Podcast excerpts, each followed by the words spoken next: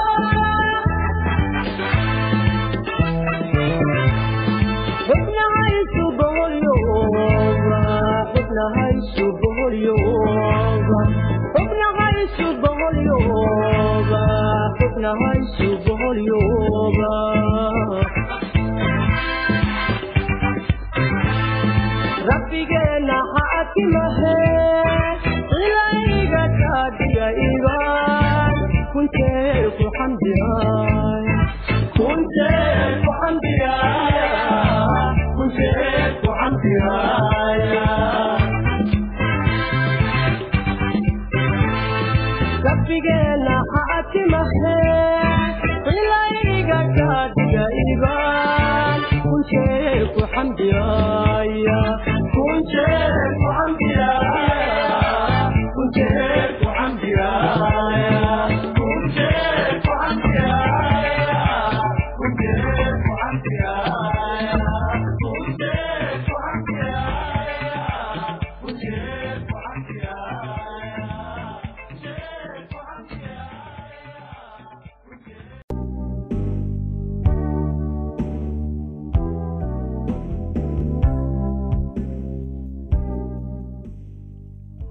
wax waliba way dhammaadeen.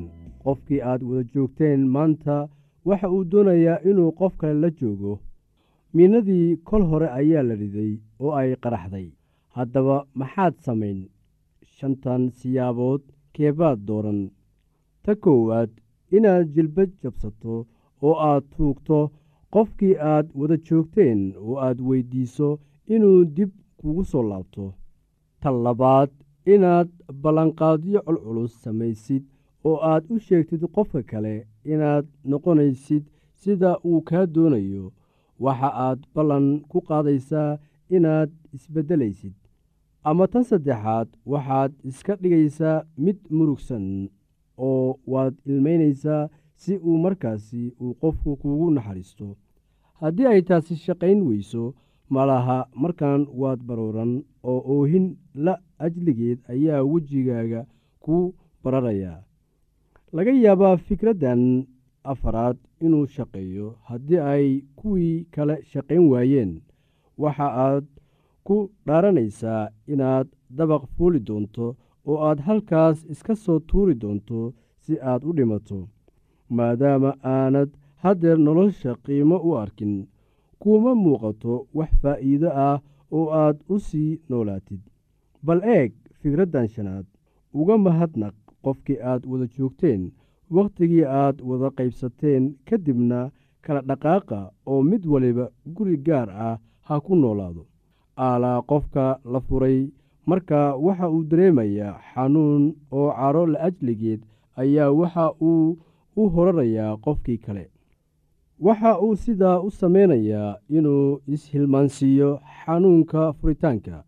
Adiga laftaada waxaa dhici karta inaad andacootid oo aad qofkii caysid oo aad tustid sida uu xayawaan ama nacas u ahaa markii ugu horreysay ee aad wada kulmayseen iyo siday u wanaagsanaan lahayd haddii aad iska furi lahayd waa hore. Waxaa jira wax qalbiga qofka ku jira laakiin marnaba uusan afka ka odhanaynin laakiin waxa uu ku haysanayaa maskaxda. Waxa uu is odhan karaa isaga weeye midka aan i doonaynin laakiin aniga weli waan doonayaa. Marka warku ku saabsan waxa aad adigu tahay faafo cid ku rabaysa ma jirto. Maadaama aad aniga diidday waxa aan isku taxallujinayaa inaan arko adiguna inaanay cid ku rabin. Mararka qaar ka aargoosashada noocan ah ayaa waxa ay u dhacdaa si cad oo weerar ah. Markii uu cumar furay sacdiya waxay ku tidhi isaga iyada oo qaylinaysa inaad sidan samayn weligay waan ogaa. Markii hore ayaan qalad sameeyey maba ahayn inaan ku guursado. Inaad qofka waxyeelaysaad jeceshahay sow ma ahan.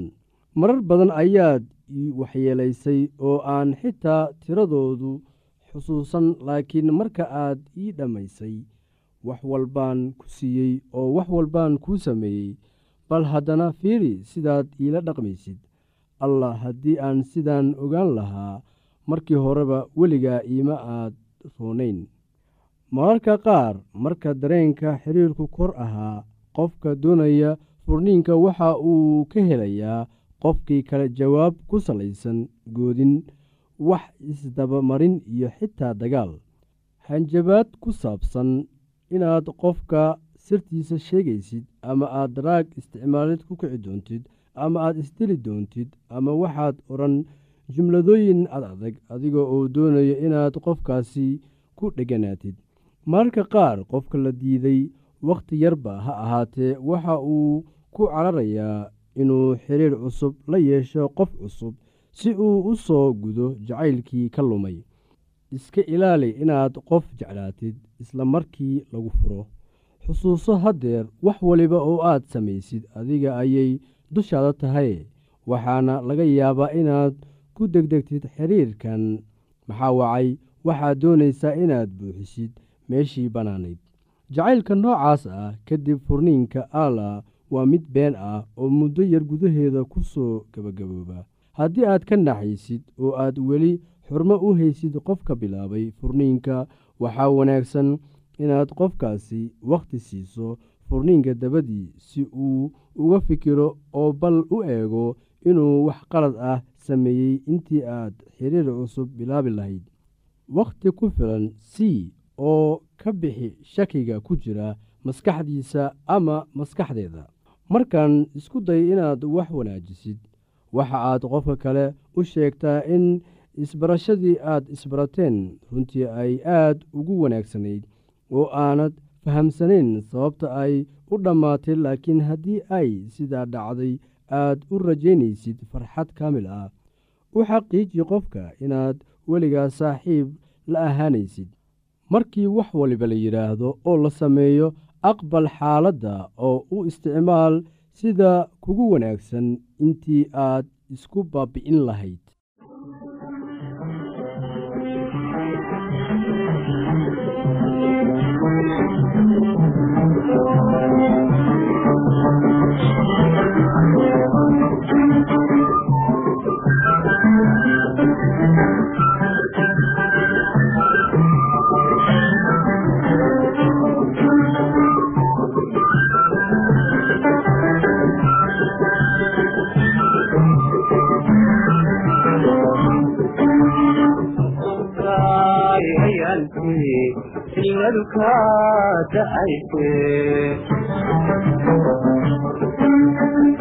indhahaada qoysaan inayay xasuusto markaan ka og waxaligu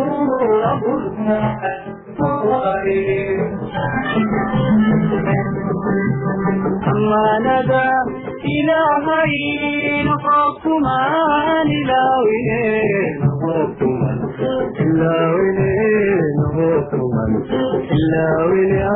noqokuman ilaawine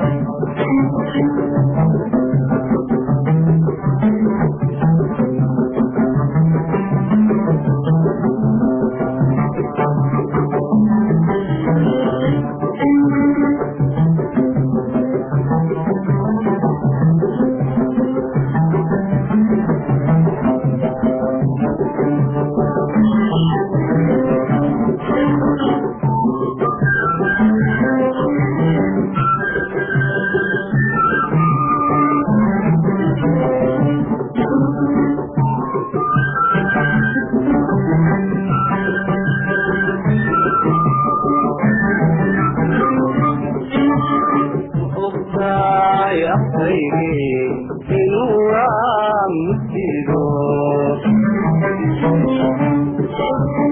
ayaada quraaniyo amanuye arrin kale inuu furo ogolaan waayaan waxaad igu abuurtaan lacagkaysan waaye waxaad igu abuurtaan lacagkaysan waaye amaanada ilaahay noqokumaan ilaawine noqokuman ilaawine noqokuman